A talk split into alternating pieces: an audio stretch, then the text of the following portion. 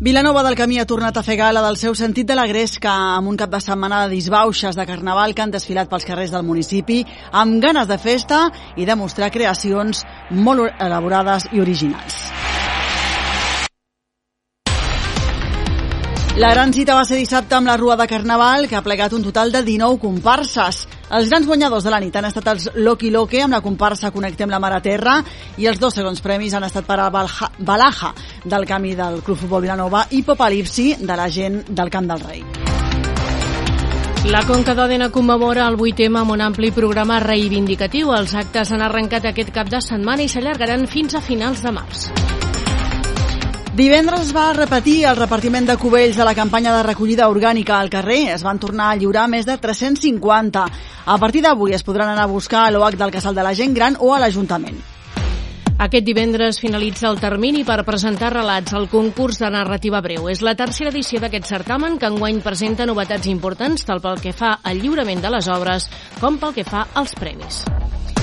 I en esports, dues jornades després, el Vilanova s'ha retrobat amb la victòria en un partit molt complicat en què no van estar, diu l'entrenador, al nivell d'altres ocasions. Pel que fa al Club Esportiu Anoia, va empatar a casa del Capellades.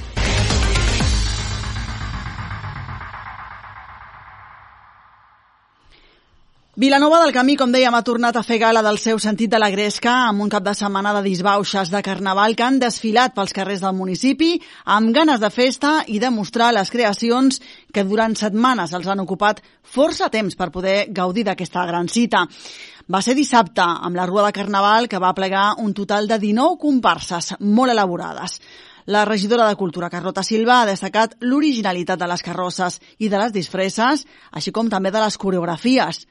Tot plegat, fruit diu de moltes hores de treball. Un carnaval que ha tornat a la normalitat amb escreix i que fins i tot s'ha superat respecte a anys anteriors, com destaca la regidora vilanovina. Estaban elaboradísimas tanto en diseño y creación de carrozas como de disfraces todas con un gran nivel de originalidad y que encima acompañaban con unas coreografías espectaculares. Se notaba el trabajazo que, que había detrás y, y, esto lo comentaban las personas que estaban viendo la rúa, que cada año el carnaval se supera y que cada año es más bonito. La festa de la disbauxa ha tingut aquest any una novetat important i s'ha allargat un dia més amb la celebració de l'enterrament de la sardina. Aquest diumenge els carrers van tornar a ser una festa amb una representació assajada i preparada de manera col·lectiva, que també ha estat un èxit per la bona predisposició de les entitats i l'alta participació al carrer. Como somos tan buenos carnavaleros, no podíamos acabar mejor que, enterrando la sardina. Así que ayer domingo, junto con Camp del Rey, que nos ha ayudado a organizar todo este sarao y con la colaboración de las entidades de Un Tempo, Artistic, eh, Svardanzaira, Bailes de Salón Ainhoa y, y nuestra comisión de fiestas, nos marcamos un cortejo fúnebre a ritmo de Paquito el Chocolatero y la canción de la sardina hasta llegar a Campapaseit, donde la sardina fue quemada y donde terminamos también haciendo un vermú. Fins i tot el temps ha donat una treva en aquesta festa, malgrat que les previsions eren de força fred i inestabilitat. Per tot plegat, la regidora es mostrava avui molt satisfeta. Amenazaba lluvia todo el fin de semana, pero nos, nos ha acompañado, así que, que nada, que ha sido un fin de semana de carnaval redondo que ha llenado las calles de Vilanova de color, de música y, y de alegría. No puedo estar más contenta. Carlota Silva també ha tingut paraules d'agraïment per a totes les persones que esperen cada any aquesta festa i que participen de manera tan activa i entregada, deixant el llistó sempre molt alt. Estoy orgullosa del carnaval que tenemos en Vilanova, que reúne a muchísimas personas en la calle de nuestro municipio y agradecer a todos los carnavaleros y a todas las carnavaleras, a todas las personas que han colaborado en el carnaval para que haya sido un éxito. Els grans guanyadors del Carnaval 2023 a Vilanova del Camí han estat els Loki Loki amb la comparsa Connectem la Mar a Terra. Els dos eh, segons premis van ser per Valhalla del Camí, del Club Futbol Vilanova i Popalipsi, de la gent del Camp del Rei. Els tres tercers van recaure en 100% flamencos, Cingarada de l'Esbar d'Ensaire de Vilanova del Camí i Futur Ximple de l'AFA Joan Maragall. Pel que fa als quarts premis van ser per a Volando Boy, Pura Energia, Dracar i els Vikings i per a les Ranes Marcials valencianes. Els cinquers premis van ser per 150 anys construint futur, d'MDP Igualada, El Cascanueces, Disney 100, 40 anys del Pompeu i El Misterio de la Lámpara Màgica. El premi a la disfressa individual va ser per a Fantasia Barroca i el premi especial de la Xispa per a Un Domingo en la Tarde. El jurat del Carnaval estava format per Encarna García i Queta Borrega de la Comissió de Festes, diferents membres del Consell Jove La Xispa i per la regidora de Règim Interior, Susana Gutiérrez, i el de Promoció Econòmica, Jordi Barón.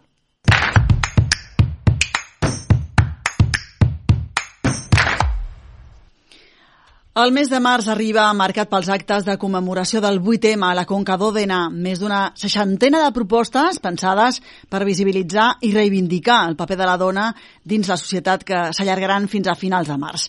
Les regidores d'Igualtat dels set municipis de la Mancomunitat de la Conca d'Òdena han presentat l'agenda d'actes commemoratius d'aquest Dia Internacional de les Dones, creada col·lectivament amb la participació d'entitats de dones, col·lectius feministes i associacions i entitats aliades sota la coordinació de l'AMICOT. Un ampli ventall d'activitats gratuïtes i obertes al conjunt de la ciutadania, moltes d'elles orientades a l'objectiu d'aconseguir que les societats siguin sorores i segures i també a eliminar la mirada patriarcal de la justícia. Exposicions, tallers, xerrades i taules rodones, una agenda que també inclou formacions sobre temàtiques com la igualtat i la cohesió de grups, a més de caminades, concerts, cinema i teatres, entre d'altres.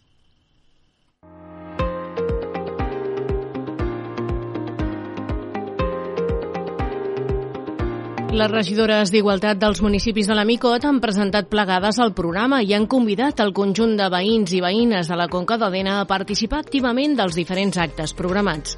La regidora vilanovina Laura Pavón Pérez feia també una breu exposició dels actes que s'han organitzat a Vilanova del Camí. Un any més us invitem a participar als tallers i activitats d'una agenda plena i molt treballada de totes les regidores d'Igualtat del municipi de la Conca d'Òdena. A Vilanova, a la tarda, tindrem la lectura del manifest i una masterclass de Pumba de 5 a 6 de la tarda, a la plaça del Mercat.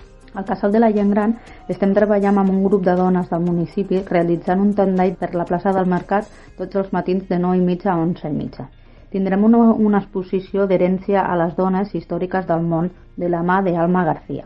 Un curs de 25 hores de defensa personal de la mà de Budokan.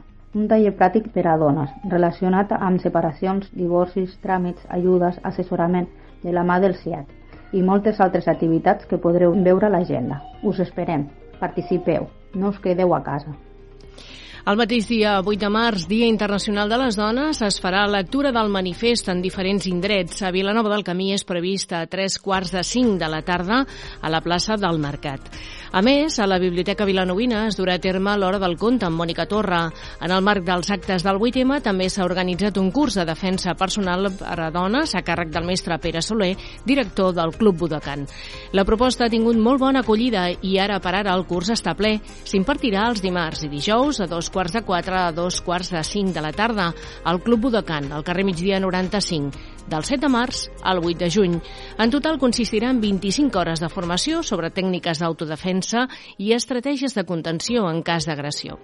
Aquest mes també s'inicia la tercera edició del curs d'autodefensa feminista Fem Tribu, que tindrà lloc cada dimarts al Centre Cívic Nord d'Igualada fins a finals de juny i compta amb 12 sessions. Té com a objectiu apoderar les dones i donar-los eines per defensar-se de les agressions a les quals estan exposades diàriament. Té un cost de 15 euros euros i tothom s'hi pot inscriure a través del correu igualtat arroba micot.cat o a la web micot.cat. Altres actes destacats de l'agenda del 8M a la Conca són l'entrega dels guardons de la quarta convocatòria del Premi Nativitat Llarza a la recerca en gènere i també l'entrega del Premi Arxel Lumbreras com a guanyador, recordem, de la desena edició del concurs de cartells del 8M. I finalment aquesta agenda també recull el lliurament de premis del 20è concurs de fotografia Com ens veiem les dones, organitzat per l'entitat Dones amb Empenta amb el suport de l'Ajuntament de Santa Margarida de Montbui. Les participants poden penjar ja les seves fotografies al perfil d'Instagram amb l'etiqueta concurs d'AE 2023 o bé enviar-les per correu electrònic a comunicació arroba dae.cat.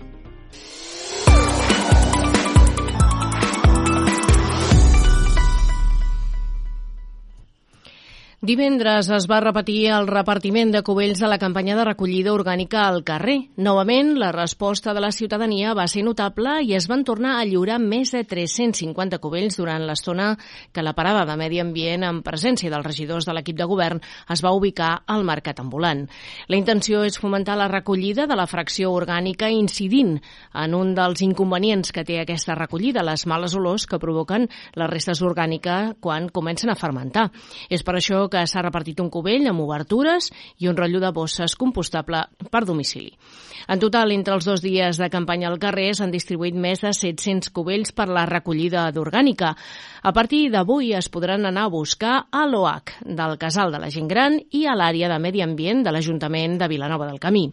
Amb aquesta campanya, la regidoria de Medi Ambient s'ha fixat com a objectiu augmentar i millorar la recollida de l'orgànica per tal de reduir el cost de la gestió d'aquesta fracció.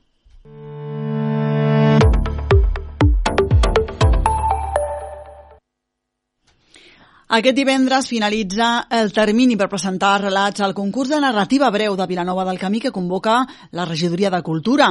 És, recordem, la tercera edició del certamen que enguany presenta novetats importants tant pel que fa al lliurament de les obres com pel que fa als premis. En aquesta edició, a banda d'un primer i segon premi valorats en 400 i 200 euros, també hi haurà un premi per a l'autor local per un import de 200 euros i un premi juvenil pel mateix import pensat per a joves de 14 a 25 anys.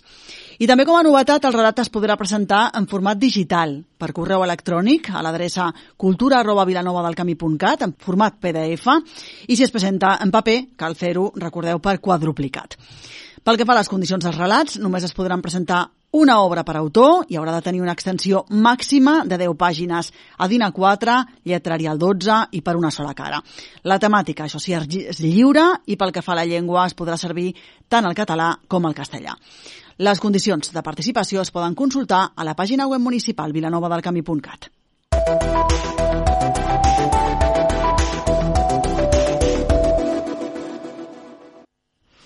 Aquest dimecres, primer de març, la Biblioteca de Vilanova del Camí tornarà a presentar les darreres novetats infantils que han arribat al centre. En un ambient distès i familiar, es podran fullejar i comentar els llibres adreçats a infants d'entre 3 i 12 anys, tant de ficció com de coneixements i també còmics. La Quitxella també podrà endur-se els llibres en préstec i estrenar-los a casa. L'activitat és gratuïta però requereix d'inscripció prèvia. Començarà a les 6 de la tarda.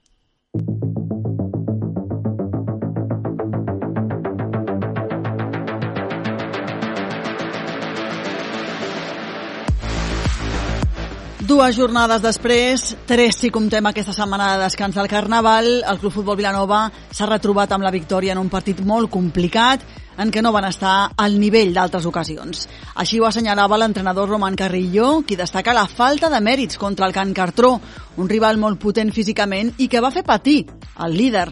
Van jugar en un camp molt petit i on el rival va posar molta resistència fins a fer sentir incòmode el Club Futbol Vilanova. Té molt ben treballat aquell camp i que sap molt bé el que s'ha de jugar allà i, i, i ho plasma perfectament en el terreny de joc amb un partit eh, ple de segones disputes, de disputes aèries, eh, de xocs, de, de, de, de guerres individuals eh, per la pilota més que, més que de futbol i jo crec que bueno, aquests escenaris a nosaltres no ens acaben d'anar bé, ens incomoden. Els vilanovins van entrar bé al partit però no acabaven de concretar les oportunitats i el rival es va començar a posar en serioses dificultats amb algunes aproximacions perilloses.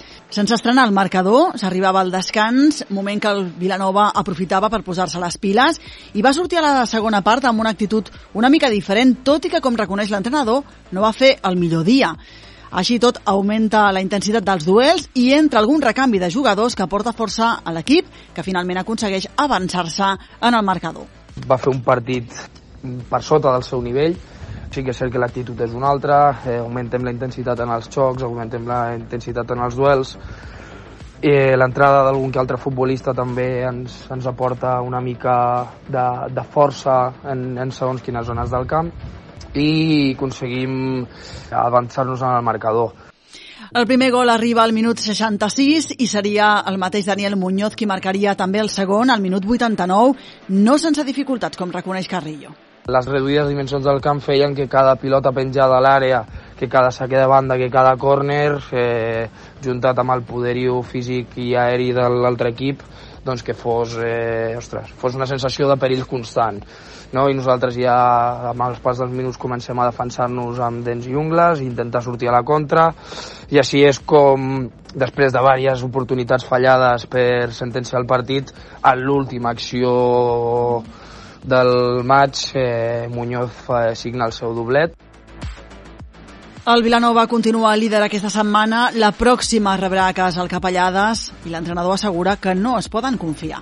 Ens dona tres punts molt importants, molt importants per trencar una dinàmica negativa de resultats, eh, per restar una jornada i per sumar tres punts més que ens retornen al camí de la victòria i ens fan agafar una mica d'aire i una mica de confiança per continuar eh, sumant, continuar lluitant i continuar defensant el liderat però que també ens ha de posar en previ avís de que això serà molt complicat i que si no donem tots una marxeta més eh, perdrem molts més punts que la primera volta.